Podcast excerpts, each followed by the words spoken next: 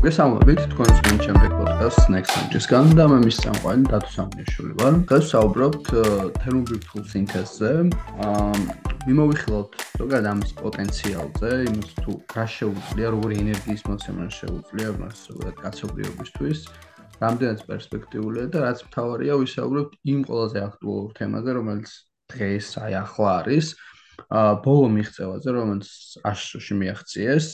აა საუბარი არის იგივე ხელნურ მზეზე, ამასაც ეძახიან ხოლმე, როდესაც მოხდა ფაქტობრივად სუფთა ენერგიის მიღება, ხო და ანუ აი უფრო უშუალოდ э, თუ რას ნიშნავს ეს კიდე სუფთა ენერგიის მიღება, რატომ არის ეს უახლესი მიღწევა ასეთი მნიშვნელოვანი ამ ყველაფერში ამ ყველაფერს გარკვეულში დაგვეხმარება ჩვენი დღევანდელი სტუმარი ფიზიკოსი ირაკლი ჯოხაძე. ირაკლი გამარჯობა, როგორ ხარ? გამარჯობა. შვენურად, სად ვარ? სასაუბროთ ამ უნიშნულოვანეს მოვლენაზე. შვენიერი, ხო, ნამდვილად მართლაც ამ უნიშნულოვანი თემა არის და მნიშვნელოვანი სიახლეა, ხო? როგორც მინიმუმ მე როგორც ხედავ, აა, რა ვიცი, 2022 წელს რო შევაჯამებთ, ალბათ ერთ-ერთი მთავარი სამეცნიერო ტექნოლოგიური მიღწევა იქნება ამ ხრივ, ასე მგონია ყოველ შემთხვევაში. აა და მოდი მანამ უშუალოდ თვითონ თულ სინთეზს ავხსნიდეთ და რაღაც პროცესებზე გადავიდოდეთ. თუ გინდა მოდი პირდაპირ იმით დავიწყოთ თუ აა კონკრეტულად რასთან მქონდა საქმე ამჯერად, აი ამ მიღწევაზე, რაც ეხლა უნდა ვისაუბროთ და მე ალბათ უფრო კომპლექსურად შეგვიძლია მეუბრუნოთ იმას თუ რა არის ზოგადად თერმობირთული სინთეზი, როდის გაჩნდა ზოგადად ეს იდეა, ხო, მე როგორც ვიცი, ჯერ კიდე 1930-იან წლებში რაღაც ფანტასტიკის სფერო იყო ეს, მაგრამ რაღაც წარმოედგინათ, რომ მსგავსი ენერგიის მიღება შეეძლოთ, ხო? და ნუ ამ სპენელისთვის ვინც შეიძლება კარგად ერკვეოდეს ამ თერმობირთულ სინთეზში, რაღაც აი ორი სიტყვით შეგვიძლია ალბათ ვთქვათ ის, რომ აა ეს არის სუფთა ენერგია, რომელსაც აქვს აა უდიდეს პოტენციალი და რა შეუძლია ჩაანაცვლოს ისეთი რაღაცები, როგორც არის მაგალითად ალბათ ნავთობი აა და სხვა კიდაც რესურსები, ის ბუნებრივი რესურსები, რომელსაც მოვიხმართ, ხო, ამ შემთხვევაში და ეს ყველაფერი შეიძლება იყოს დაკავშირებული სხვა რესურსების მოხმარება, რაც კლიმატის ცვლილებასთან, გლობალურ დათბობასთან და ამ ხრივ, როგორც მეცნიერები ამბობენ, თერმობირთულ სინთეზს გლობალური დათბობის მხრივაც შეუძლია ძალიან ბევრი კარგი რაღაც გაკეთება კაცობრიობისთვის. ამ 5 დეკემბერს წელს ლორენს ლივერმორის ეროვნულ ლაბორატორიაში მოხდა პირველი შემთხვევა, როდესაც ჩავდეთ ენერგია გარკვეული რაოდენობის, ეს იყო 2 მეგაჯოული და მივიღეთ 3 მეგაჯოული ენერგია. აა ეს ნიშნავს რომ ბალანსში გავედით, ხო ესე? დადებით ბალანსში გავედით. აჰა. ეს გამო გამოვიყენეთ ეგრეთ წოდებული თერმობირთული სინთეზი, როდესაც დაახლოებით, ну, ზუსტად რო ვთქვა, 192 ლაზერის საშუალებით დაუმიზნეთ ერთ წერტილში, სადაც იყო ეს ჩვენი საწვავი, წყალბადის სხვა ორი იზოტოპი, ეს არის დეიტერიუმი და ტრიტიუმი. მოხდა მაღალი ტემპერატურის, მაღალი სიმკვრივის საკმარისი დროით შენარჩუნება, რამაც გამოიწვია ეს თერმობირთული სინთეზი და მივიღეთ დამატებითი ენერგია. რაც არის უნიშნულოვანესი მოვლენა პლაზმის ფიზიკაში, თერმობირთულ სინთეზში და ზოგადად კაცობრიობისთვის, რადგან ეს არის სუფთა ფაქტიურად დაუშვებელი ენერგიის წყარო. კი ბატონო, კი ბატონო და აა ვინც შეიძლება კარგად ვერ ირკვეოდეს ამას, შეიძლება გაუჩნდეს შეკითხვა, ხო? ანუ რატომ არის ეს დაუშვებელი როგორც შეთქვა ენერგიის წყარო და აა რატომ არ შეიძლება სიტყვაზე რაღაც აი ვირტუალურ რეაქტორებზე ხო გაგვია მაგალითად ჩერნობილის და როდესაც მან განჟონა და ამას მოყვა რაღაც ცუდი შედეგები, ხო? ანუ აი მხრივ რა განსხვავებაა ამაზეც რომ ალბათ ხაზი გავუსვათ, კარგი იქნებოდა ჩემი აზრით. აა, როდესაც ბირთვული რეაქციები გვესმის, ну, პირველ რიგში ალბათ გვახსენდება, რომ ეს ატომური რეაქტორი, ეს ატომური ბომბი და უამრავი აა მასიური განადგურება. თუმცა თერმობირთული სინთეზი ამისგან განსხვავდება, რადგან თერმობირთული სინთეზი არის კონტროლირებადი რეაქცია, განსხვავებით ჯაჭვური რეაქციის, რომელიც შეიძლება წარიმართოს მძიმე ბირთვების დაშლის შედეგად, როგორც არის მაგალითად ურანი. ამის გარდა არის უშრეთი წყარო იმ გაგებით, რომ საწვავად გამოიყენება წყალბადი, რომელიც არის ყველაზე გავრცელებული ელემენტი. გარდა ამისა არის ხო ნუ სუბთა ვისაუბრეთ სუბთარის კონტროლირებადი არის და დაუშვებელი არის. სუბთა იმ გაგებით რომ არ გვაქვს დაბინძურება, არ გვაქვს გამოსხივება, არ გვაქვს ეს რადიოაქტიული ნარჩენები, არ გვაქვს ასევე ეს ეგრეთ წოდებული greenhouse აირები, რომელიც შემდეგ როგორც ცნობილია იწვევს გლობალურ დათბობას.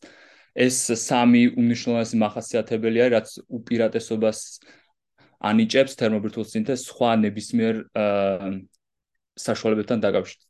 სხვა ნებისმიერ საშუალებებთან მიმართებაში. ასე რომ ვთქვათ, მოკლედ. აჰა. კი ბატონო. და კიდე აი ეს მომენტი არის ხოლმე, როდესაც მსგავს რეაქტორებს ვედახთ ხოლმე ხელოვნურ მზეს, ხო? ერთი მხრივ რომ ამ უშუალოდ ამ რეაქტორში ძალიან მაღალ ტემპერატურას ვაღწევთ, ხო? აა ჩვენ წავიკითხავს რომ ყოფილა რაღაცა 100 მილიონ გრადუს ცელსიუსამდეც კი ასულან სხვადასხვა რეაქტორებში იქნებოდა სამხრეთ კორეაში თუ სხვაგან. თუმცა ამ კონკრეტულ შემთხვევაში თუ არ მეშლება 4 მილიონი გრადუსი იყო და რეალურად ეს ხელოვნური მზეც ხო იქიდან მომდინარეობს, რომ რეალურად ის რაც ხდება ვარსკვლავში, ანუ ვარსკვლავურ ვარსკვლავში, ვარსკვლავებში, ამ პროცესს ვიმეორებთ დედამიწაზე, ხო, რაღაც დონეზე და აა შესაბამისად, რადგან ვარსკვლავებს აქვთ, აი, უჩნდებათ ეს რაღაცა ულევი ენერგია, ცდილობთ რომ ეს გავიმეოროთ დედამიწაზე, ხო, სწორედ მესმის მე და აი ეს თემაც რო კარგად ავხსნათ ალბათ უცნელისთვის ძალიან საინტერესო იქნებოდა ამ კუთხით. კარგად დაახასიათეთ ნამდვილად, ესე იგი თუ ავიღებთ განვიხილავთ ჩვენ მზეს, რომელიც წარმოადგენს ერთ-ერთ ჩვეულებრივ ვარსკვლავს, მის გულში ტემპერატურა არის დაახლოებით 15 მილიონი გრადუს ცელსიუსი.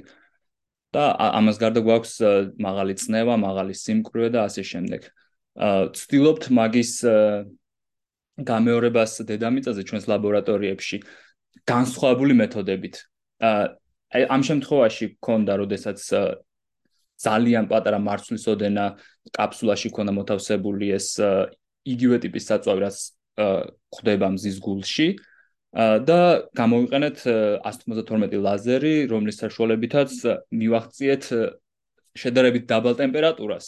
ეს იყო 3-4 მილიონი გრადუს ცელსიუსი.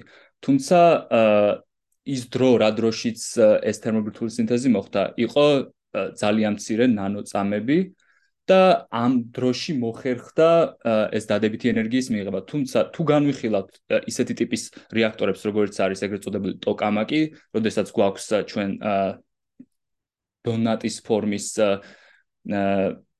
რეაქტორი, შიგნით უნდა შევინარჩუნოთ ეს ჩვენი გავარვარებული პლაზმა, ვინაიდან აქ უკვე სიმკვრივე ნაკლები გვაქვს, საჭირო არის ტემპერატურა მაღალი იყოს და შევინარჩუნოთ დიდი რაოდენობით. ცნობილი არის ესეთი კრიტერიუმი, ლოუსონის კრიტერიუმი, რომელიც აკავშირებს ტემპერატურას, სიმკვრივეს და შენარჩუნების დროს. თუ კი ამ სამი ფიზიკური სიდიდის ნამრავლი მეტი არის გარკვეულ სიდიდეზე, მაშინ ჩვენ გვაქვს ეს დადებითი ენერგიის წყარო. სხვა შემთხვევაში ნუ პირველად მოხდა ეს შემთხვევა, როდესაც ეს კრიტერიუმი დავაკმაყოფილეთ. აა ეს უფრო მეტი ენერგია გვჭირდება რომ ჩავდოთ, ვიდრე შემდეგ ეს ჩვენი გავარვარებული პლაზმა დაგვიბრუნებს. აა ხო ეს შეიძლება გამ ხო. კი ბატონო. არის კიდე სხვა ტიპის, თუმცა ყველაზე ცნობილი ალბათ მაინც ეს ორი არის. ნუ სტერალატორი მაგალითად და კიდე სხვა ტიპის კონფიგურაციები, რის საშუალებითაც შეიძლება შეკავდეს მაგნიტური ველების საშუალებით პლაზმა. აა ეხლა შენ ტოკამაკი ახსენე და ნუ მე მგონია რომ ძირითადად ადამიანები, ანუ აი ვინც ეს შორიდან აკვირდებიან ამას, უფრო იცნობენ ამ მსგავსი ფორმის რეაქტორებს, ვიდეოებიც ალბათ უფრო ასეთი გვინახავს ხშირად ეს დონატის ფორმის რო თქვი და მე მგონი იყო რაღაც მომენტში რომ ზოგს შეიძლება ეს აერიად კიდევ ასე თქვეს ეგონათ რომ ზუსტად რაღაც იგივე იგივე სტილის რეაქტორი იყო.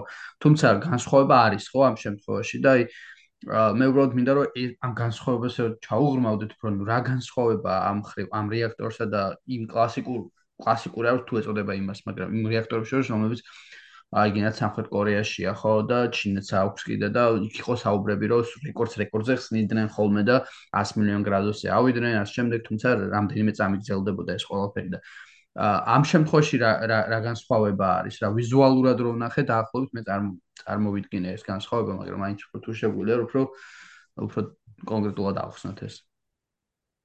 ალბათ სწორი სახელი არის კლასიკური დარქმევა რადგან ძირითადი კვლევები მაინც ეთმობა ამ ტოკამაკის შესწავლას და ალბათ ერთ-ერთი ყველაზე დიდი პროგრესი ტოკამაკების ფიზიკაში არის მიღწეული.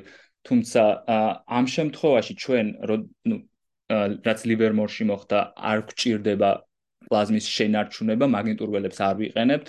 უბრალოდ გვინდა რომ ცირე დროში მოვახდინოთ ამ პლაზმის ანთება. აა მივიღოთ მაღალი სიმკვრივე, მაღალი ტემპერატურა და მაღალ ნუ შესაბამისი ნუ ნანოწამების განმავლობაში. ეს უკვე გვაძლევს საშუალებას, რომ მივიღოთ დადებითი ბალანსი ენერგიის. ამისთვის გამოიყენება ლაზერები სხვადასხვა კუთხიდან და არ გამოიყენება არანაირი ასე ვთქვათ მაგნიტური ველი. როდესაც განვიხილავთ ტოკამაკს, ტოკამაკის შემთხვევაში ჩვენ ვიყენებთ მაგნიტურ ველებს, რათა პლაზმა ამ დონატის ფორმის რეაქტორში შევინარჩუნოთ. აქ უკვე საუბარი არის წამები და წუთების რიგზე და არა ნანოწამების. ვიყენებთ ძალიან მაღალ მაგნიტურ ველებს, საქმე ეხება რამდენიმე ტესლას, რაც ძალიან მაღალი მაგნიტური ველი არის. და ვცდილობთ რომ შევინარჩუნოთ რაც შეიძლება დიდხანს. თუმცა იგივე შედეგი ჯერ არ არის მიღწეული ტოკამაკების შემთხვევაში. ყველაზე დიდი ჯერჯერობით არის ეგრეთ წოდებული ჯეტში რაც არის 67% ანუ დებთ 16 მეგავატ ენერგიას ვიღებ უბრალოდ დებთ 24 მეგავატ ენერგიას ვიღებთ 16-ს თუმცა ეს შეიძლება დაეკავშირებინათ იმ გაგებით, რომ საფრანგეთში იგეგმებად უკვე დაწყებული არის ეგრეთ წოდებული იტერის მშენებლობა, რომელიც იქნება ყველაზე დიდი ტოკამაკი, დონატის ფორმის რეაქტორი, სადაც უკვე ნავარაუდები არის, რომ ენერგიის მოგება იქნება 10ჯერ მეტი, ანუ რა ენერგიასაც ჩავდებთ, 10ჯერ მეტს მივიღებთ. თუმცა ну ჯერჯერობით გადადება და გადადება ხდება და სავარაუდოდ ამბობენ რომ 2035 წელს უკვე მოხდება ამ შედეგის მიღწევა. აა ერთ ჩაგეკითხები ხა საფრანგეთში რო ახსენე რეაქტორზე შეება ახსენე და გამომჩა უცებ არ ვიცი რომელ წელს მოველოდოთ დაახლოებით ამას და იმიტომ რომ ეს როგორც ძალიან მნიშვნელოვანია ხო ამ კუთხით. გახსნას გულისხმობ. თავიდან ამბობდნენ რომ 2020-ში იქნებოდა, შემდეგ 2023-ში იქნებოდა უკვე რომ 24-იც მახსოვს თითქოს. ეს ესე ყოველთვის ხდება გადადება. ამ ამჯერად როგორც ვიცი 2035 წლისთვის გეგმავენ რომ უკვე თლიანად ჩაერთოს. ესე გადაიწია? ნუ 2035 წლისთვის მეთქი ხო არ კი. ნუ 25-ში ამობენ მგონი რომ თავიდან სატესტო იქნება და შემდეგ ნუ 10 წელიწადში უკვე მთლიან სიმძლავრეზე რო აიყვანენ. და ამ ხრივ ამ რეაქტორს ექნება პოტენციალი რომ უკვე იმუშაოს უშუალოდ რაღაცა კომერციალიზაცია მოახდინებს გავს ენერგიის თუ კვლავ ალბათ ექსპერიმენტალური უნდა იყოს აი მაგაზე უკვე წარმოგვიდგენა გვაქვს. ეს ესეც ჯერ ითვლება რომ ექსპერიმენტული იქნება. კომერციალიზაციაზე ჯერ საუბარი მაინც არ არის. თუმცა ნუ ვარაუდობენ რომ 10 ჯერ მეტ ენერგიას მიიღებენ ვიდრე ჩადებენ რაც იქნება ნუ რეკორდი ჯერჯერობით კი ბატონო. აა და აი კომერციალიზაციაზეც შეგვიძლია ალბათ ნელ-ნელა გადავიდეთ, ანუ იმ კუთხით თუ რა რამხელა პოტენციალი შეიძლება კონდეს ამას, მაგრამ მანამ მაგაზე გადავალთ, მინდა რომ ერთ დეტალზე კიდე უფრო სიგნალსაოთ ვილაპარაკოთ, იმიტომ რომ შესაძ ამ თემაზე ადამიანებს ვესაუბრები ხოლმე. პირველი მათი გაოცება არის ხოლმე არის რომ კი მაგრამ რაც მეუბნები, როგორ შეიძლება რამდენიმე მილიონი გრადუს ცელსიუსი მიიღო კონდეს ნებისმიერი ეს იქნება რაღაცა დანადგარი თუ რეაქტორი, რომელშ ასეთი ტემპერატურა როგორ ხდება, საერთოდ როგორ აკავებენ ამასა და აა ვიცით რომ აქ რაღაცა მატერია პლაზმად იქცევა, შემდეგ შემდეგ ამისთვის გამოიყენება სამძლავრი მაგნიტები ამ პლაზმის შეკავების, მაგრამ აი შეგვიძლია უფრო დეტალურად აი მათთვის ვისაც ეს შეკითხვა უჩნდება და მე მგონია რომ ეს ვინც უშუალოდ ჩართული არ არის ხო ეხლა ამაში ძალიან ბუნებრივი შეკითხვაა რომ როგორ შეიძლება რაღაცა 100 მილიონი გრადუსი მეიღო რაღაცა კიდაც ლაბორატორიული კვლევით სახით, ხო? ანუ და როგორ შეიძლება ეს ხდებოდეს, რა? და ეჭვი ეპარება ხოლმე ძალიან ბევრს ზოგადად, ვინც ნაკლებად არის ჩახედული ეს რაღაცებს და როგორ შეგვიძლია რომ ეს აუხსნით. მათთვის ეს პირველი იმით დავიწყებ, რომ ეს ტემპერატურები არის წარმოუდგენლად მაღალი, თუმცა ამაზე გაცლებით მაღალი ტემპერატურებიც მიღწეული არის დედამიწაზე, როდესაც განვიხილავთ ამაჩქარებლებს. როგორც ვიცი, დღესდღეობით რეკორდი 5.5 ტრილიონი გრადუსი არის. თუმცა ეს საუბარი არის მცირე რაოდენობის ნაწილაკებზე და ამას არსად არ აჩერებენ. აა, როდესაც ვეხებით რეაქტორს ხდება ნელი გაცხელება იმ ჩვენ შემთხვევაში, როდესაც მოხდა ლაზერების დაჯახება, ამ დროს ხდება ნუ ორნაირი არის არის პირდაპირ როდესაც ცენტრში მოათავსებენ უშუალოდ საწვავს და ყველა მხრიდან ეჯახება არის მეორე იყენებენ კაფსულას რაშიც ათავსებენ ამ საწვავს. ხდება ბოლოების გახურება ამ ლაზერების საშუალებით. შემდეგ ეს ნუ ხშირ შემთხვევაში იყენებენ ოქროს ან სხვა ძიმე ნიუტრიერებას ძიმე ბირთვის მქონე რომელიც შემდეგ ასხივებს რენტგენის სხივებს და ამ რენტგენის სხივების საშუალებით ხდება ამ საწვავის ზედაპირის გახურება. ზედაპირის გახურების შედეგად ხდება აფეთქება, აფეთქება იწევს ამ საწვავის შეკუმშვას. ამასთან ეხმარება შემდეგ დარტყმითი ტალღები, რაც დამატებით იწევს წნევის და ტემპერატურის ზრდას და საბოლოო ჯამში ვიღებთ, რომ ეს ჩვენი საწვავი კიდევ უფრო არის შეკუმშული, სიმკვრივეები არის დაახლოებით 1000 ჯერ უფრო მაღალი ვიდრე სასმელი წყალი. მაღალი ტემპერატურები არის, მაღალი სიმკვრივე არის, რაც იწვევს ეგრეთ წოდებული ნაწილაკებს შორის, დამხტულ ნაწილაკებს შორის კულონური ბარიერის გადალახვას, შესაბამისად ორი დამხტული ერთნაირ ნიშნის დამხტული ბირთვი საკმარისად ახლოს მიდიან ერთმანეთთან, ხდება უკვე ბირთული ძალების ჩართვა, რაც ახლო მანძილებზე უფრო ძლიერი ხდება ვიდრე ელექტრომაგნიტური განზიდვის ძალა და ვიღებთ წყალბადის ატომებიდან უკვე ჰელიუმის ატომს. ამ ამისთვის რა თქმა უნდა ძლიერი ლაზერები არის საჭირო და რადგან უკვე ამ ეტაპზე საკმარისი სიმძლავრის ლაზერები მიიღწა, უკვე გახდა შესაძლებელი რომ ეს პროცესი აა გახურებულიყო იმდენად საკმარისად რომ ჩართულიყო თერმობირთული სინთეზი.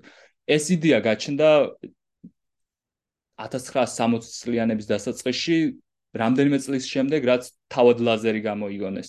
უკვე თუ განვიხილავთ ტოკამაქს, აქ უკვე მრავალი საფეხურიანი გახურების სისტემა არის, უკვე თუ ყოველ ეტაპზე მაგნიტური ველები მხოლოდ დასაჭერად გჭირდება ნაწილაკებს, ვინაიდან როგორც ცნობილი არის მაგნიტური ველი არ იწევს ნაწილაკების აჩქარებას, ნაწილაკების გახურებას. მხოლოდ ემსახურება, რომ ნაწილაკების მიმართულება შეუცვალოს და მოაქციოს გარკვეულ რეგიონში, გარკვეულ უბანში და არ მოხდეს ამ რეაქტორის დატოვება და კედლების გახურება. თუმცა ეს პროცესებიც არის სხვადასხვა ტიპის არასტაბილურობები ხდება რეაქტორებში და გარკვეულწილად ხდება კედლების გახურებაც.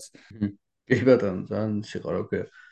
ჩემი აზრით, კარგად ახსნილი იყო და რაღაც ეგ მოიქცა 20 მომენტში შეძლებს ეგවත් ჩავედით, ხო და აა აი ეს თემა კი ვთქვით, მაგრამ ახლა ალბათ შეიძლება ისეთ შეკითხვას თუ გასაგებია რომ ეს ყველაფერი ძალიან კომპლექსურია, ამის მიღწევა რთულია თავისთავადად, მაგრამ რაღაც დონეზეც ვახცევთ, ესეც უკვე ახსენიშნავია, მაგრამ მეორე საკითხია აა პრობლემა ხო, ანუ გინდაც ის რომ თქვით რომ აი ეს რეაქტორი, რომელსაც ტოკამაკის სახის რეაქტორი, რომელსაც ველოდებ და საფრანგეთში და ამუშავდეს და ყოველწლიურად იწეოდა და ეხშება 2015-ში იყოს როგორც შენაგნიშნე.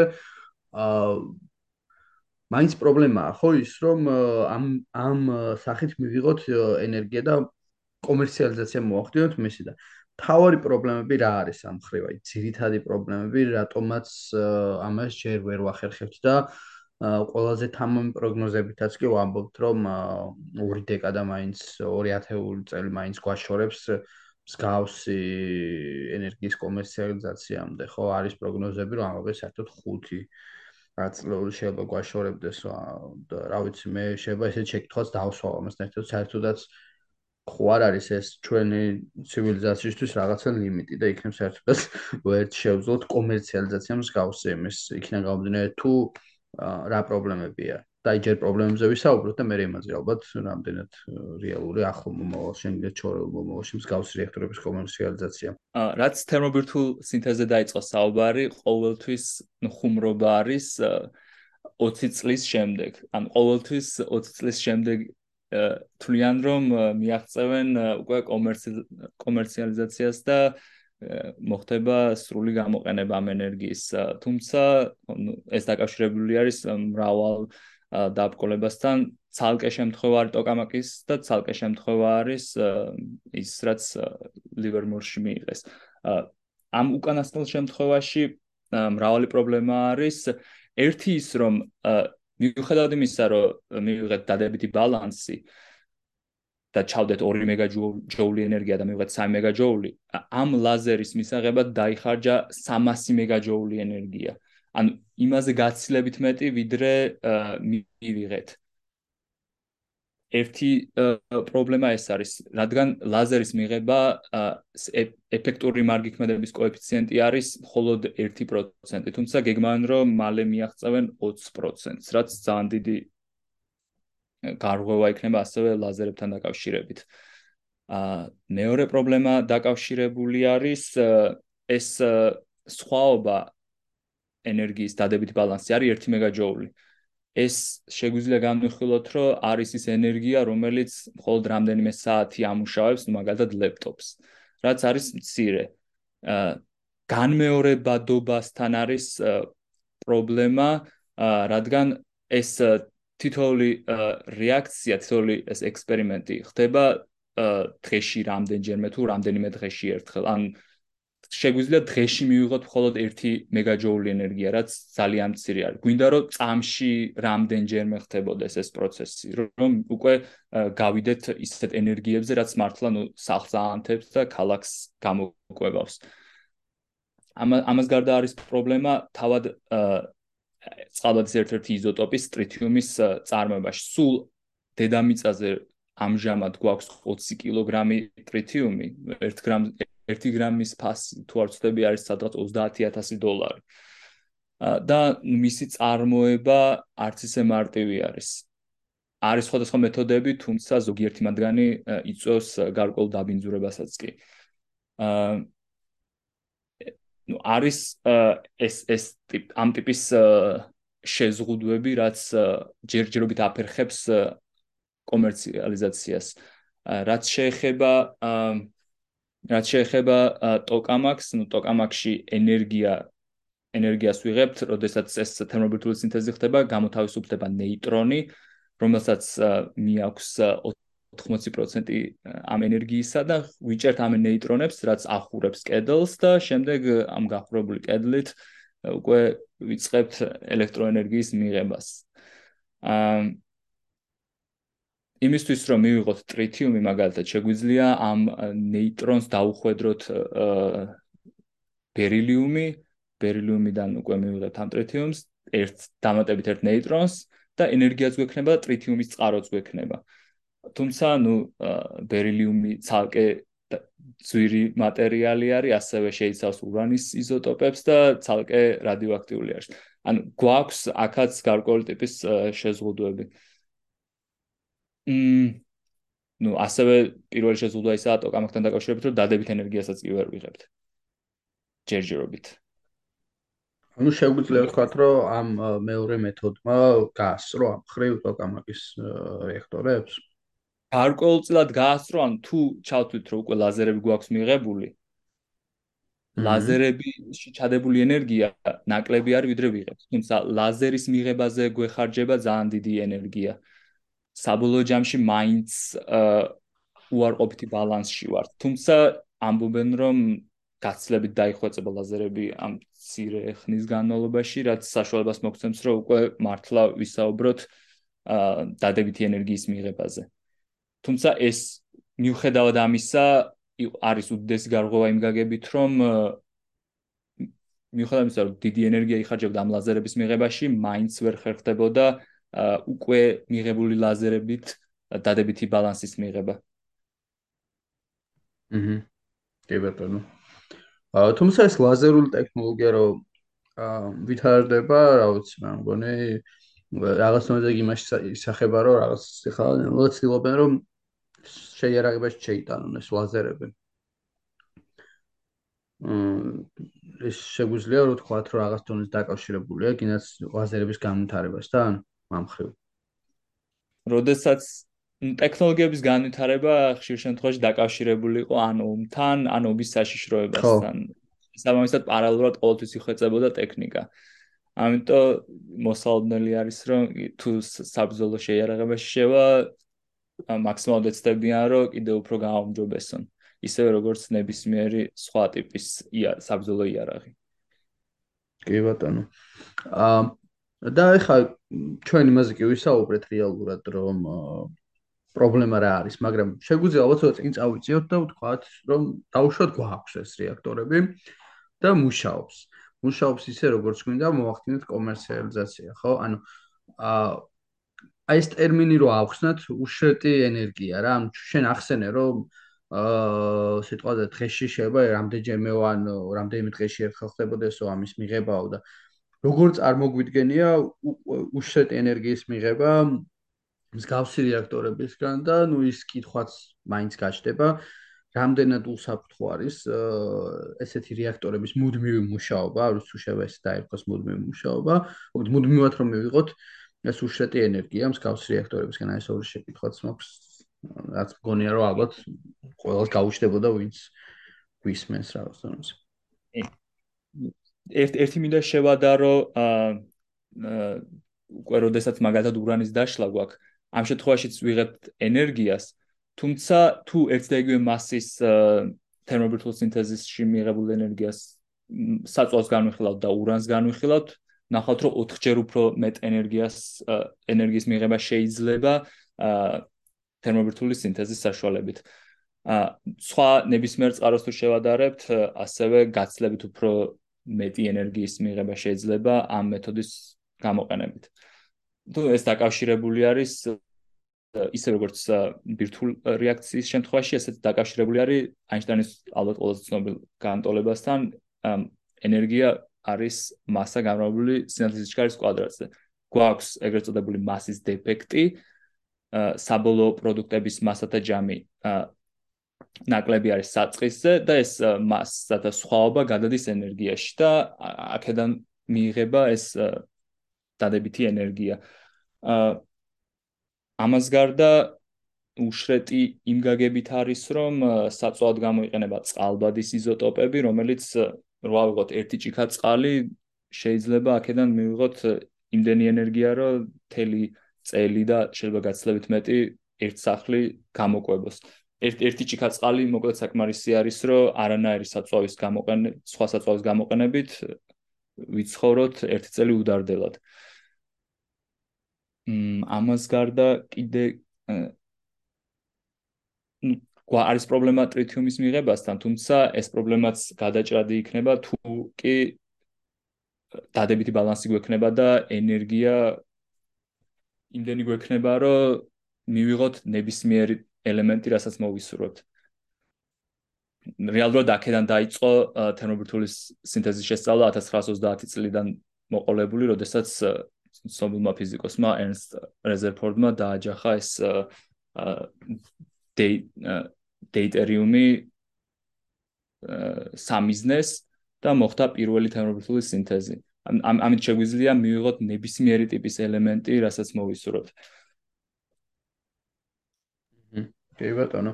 აა ანუ შენ აი როგორ შეაფასებდი მაინც აი რაღაც პროგნოზის სახით მაინტერესებს. აა ანუ რეალურია ხო საკმაოდ ანუ მსგავსი რეაქტორების კომერციალიზაცია და არ შეგვიძლია ვთქვათ რომ ეს არ არის რაღაცა მისია შეუსრულებელი და უბრალოდ რაღაც დროის პროცესია, რომელიც რომელიც საჭიროა ამისთვის. ხო, თავარი კიდე ის გამორჩა უსაფრთხოებასთან დაკავშირებით, რამდენად ხო, უსაფრთხოებაც იყო, კი, კი, ეს მაინტერესებდა. აი, მაგალითად, ნუ ჩერნობილის შემთხვევაში მოხდა არაკონტროლირებული კი, ჯაჭვური რეაქცია, ხო, რამ რის შეფერხებაც უკვე ვერ მოხერხდა. მსგავსი სიტუაცია არ გვაქვს თერმობირთულ სინთეზის შემთხვევაში. თერმობირთულ სინთეზში თუ ხდება აა მსგავსი, ასე ვთქვათ, გაჟონვა, ეს ავტომატურად თიშავს თავად თერმობირთულ სინთეზს. არ გვაქვს ჯაჭვური რეაქცია. თუ არ გვაქვს ჯაჭვური რეაქცია, შესაბამისად ეს პროცესი მალევე ჩერდება და ცირედი დაზიანებები თუ შეიძლება მოუტანოს ისევ ის ხელსაწყოს. ამის გარეთ და მთელი ქალაქის თუ ქვეყნების მასშტაბით დაზიანება არ ხდება. ეს განსხვავება არის ფუკუშიმას თუ ჩერნობილის რეაქტორებისგან. აჰა, კი ბატონო. ხო, ეს იდეაში ამას რაღაც ხდება ხოლმე ხაზგასმა, მაგრამ აი ეს ის მაინტერესებს რა, რომ გითხე რომ დაახლოებით როგორ წარმოგიდგენია ამდენ ხანში შეგვეძლება მსგავსი რეაქტორების კომერციალიზაცია და რამდენად მართლაც რეალურია რა ანუ ხო არ არის ესეთი რაღაცები რაც გინდაც რესურსების ხრივ რაღაც დონეცო წარმოუდგენელი ჩანს. მიუხედავად მიუხედავად იმისა რომ მე შემიძლია თქვა რომ შემდეგ 20 წელიწადში ამ 20 წლის გადადება გადადების მიუხედავად ყოველ 20 წელში არის სერიოზული პროგრესი და უფრო და უფრო ხდება დაახლოება. აა ამიტომ არ არის წარმოუდგენელი, არ არის მიუღწეველი მისია, არ არის ისეთი რაღაც რაშიც პროგრესი არ არის, ასევე იდება უამრავი ფული და უამრავი გონებრივი რესურსი, რომ კიდევ უფრო და უფრო უკეთესი გახდეს და ეს პროგრესი წლიდან წლამდე შესამჩნევი არის. ამიტომ არ არის წესი ძალიან შორი რომ უკვე აი იტერიც თუ სერიოზულ შედეგს მოგცემს რომ უკვე კომერციალიზაციაზეც გადავიდეს თუნდაც 20 წელიწადში მოკლედ ჩვენ უნდა მოვესწროთ. წესით მოვესწრები.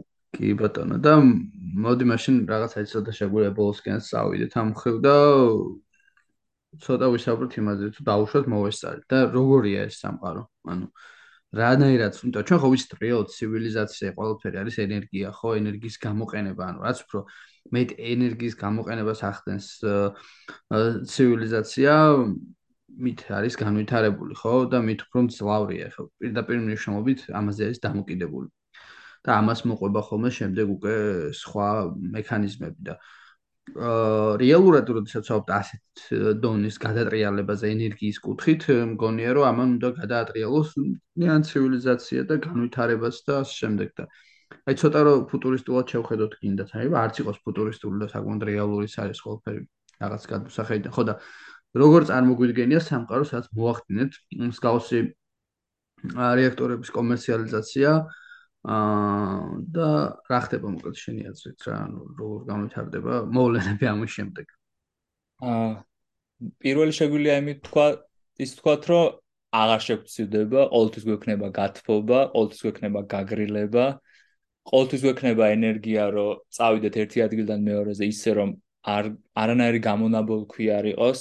ყოველთვის შეგვეძლება ვაწარმოოთ ნებისმიერი სახის პროდუქცია ისე რომ ქარხნებში ქარხნების ზევით არ გქონდეს ეს გამონაბოლქვის მილები აა ქალაქ ზევიდან რო გადავხედავთ აღარ იქნება ეს ბუღი, აღარ იქნება მტვერი და ეს მარტო გლობალურ დათბობას არ იწევს, რადგან ამ საწავში იყენებენ სხვადასხვა ტიპის ადამიანის მავნებელ ნივთიერებას, იქნება ეს ტყვია თუ სხვა, რაც უშუალოდ ადამიანის ჯანმრთელობაზე მოქმედებს. ამ ამ ამ ყოველფრისგან გათავისუფლებული ვიქნებით. აა შეიძლება იმდენი ენერგიას გქონდეს, რომ დედამიწიდან სხვა პლანეტებზე თუ სხვა მზის სისტემებზე და მის გარეთაც შეგვეძლოს მოძრაობა. რაც ალბათ საჭირო გახდება რამდენიმე მილიარდი წლის შემდეგ მაინც. თუმცა მანამდეც ალბათ ბევრი რაღაც შეცვლა შეიძლება. ანუ კოსმოსური მისიებისთვისაც იქნება მსგავსი ენერგია გამოყენებადი? ვინაიდან უსასრულო ну ფაქტურად უსასრულო ენერგიის წყარო არის ალბათ მაგისთვისაც მოხერხდება გამოყენება. აჰა. და ფასად შეეხება ეს ყოველთვის ძალიან გაიაფებს ფასი ფასი იმდენად მცირე იქნება, ან საერთოდ შეიძლება ასე თქვა უფასო იყოს. არ არ არ მოგვიწევს ფიქრი ნამდვილად დენის ტარიფზე, ვიღაცა ჩაგვიჭრის დენს და ასე შემდეგ. მოკლედ ყოველს ექნება ენერგია და რაღაც დონეზე კაპიკებში, ხო, როგორც იტყოდ. კაპიკებში ნამდვილად. აა, ძალიან საინტერესო. აა, მოკლედ ესეთი მომავალი გველდება, ყველაფერი კარგად წავიდა, ხო და ნუ წესით ამას რა ვიცი, წესით უნდა მოვესწროთ, მეც ესე წარმომიდგენია და ძალიან საინტერესო იქნება როგორ გამთარდება მოვლენები. თან მით უმეტეს თუ გავითვალისწინებთ იმას, რომ ტექნოლოგიების როგორც ბევრი სხვა რაღაცა რაღაც ჩაჭური ეფექტია ხოლმე და ერთ გარღვევას შეიძლება საერთოდ სხვა მიმართულებაში მეორე მოყვეს, მეორეს მესამე და ასე შემდეგ და ბევრი რაღაცა მოკლედ არა მარტო უშუალოდ ეხლა რაც შენ ჩამოთვალე ხო? შეიძლება ბევრი რაღაცა ისეთი გარღვევა გამოიწვიოს ამას ეხლა ჩვენ გაგვიჭირდება ალბათ ხო? პროგნოზირება ამის. ნამდვილად შეიძლება ახლა ვერც წარმოედგინოთ როგორც არ ვერ წარმოედგინათ თუნდაც მობილურის არსებობა რაკეტის არსებობა კომპიუტერის არსებობა და ასე შემდეგ. ისეთი ფანტასტიკური რაღაცების გამოგონება შეიძლება მოხდეს სხვადასხვა მიმართულებით რომ თული იქნება ალბათ ამათ პროგნოზი კლიანად მმ და როგორც მინიმუმ ალბათ ეს ყველაფერი ესე თუ მოხდა როგორც მინიმუმ 2022 წლის 5 დეკემბერი რაღაც ისტორიულ დღედ იქნება ალბათ. როგორც ერთ-ერთ მნიშვნელოვან თარიღად ჩაიწერება ისტორიაში. კი ბატონო. ძალიან დიდი მადლობა. ძალიან კარგი იყო ამ თემასთან საუბარი და რა ვიცი იმედია რომ მართლაც ძალიან მნიშვნელოვანი და ისტორიული მოვლენაზე ვისაუბრეთ. ახლა მე ამის მჯერა ყოველ შემთხვევაში და იმედია ფიზიკურად ვიხილოთ ამ ყველაფერს მალე. აა და დაგემშვიდობები მსმენელსაც ძალიან დიდი მადლობა რომ მოგვისმინა და რა ვიცი ახვდრა იქნება შემდეგი იმედი ვიქნებით უკეთესი და განვითარებული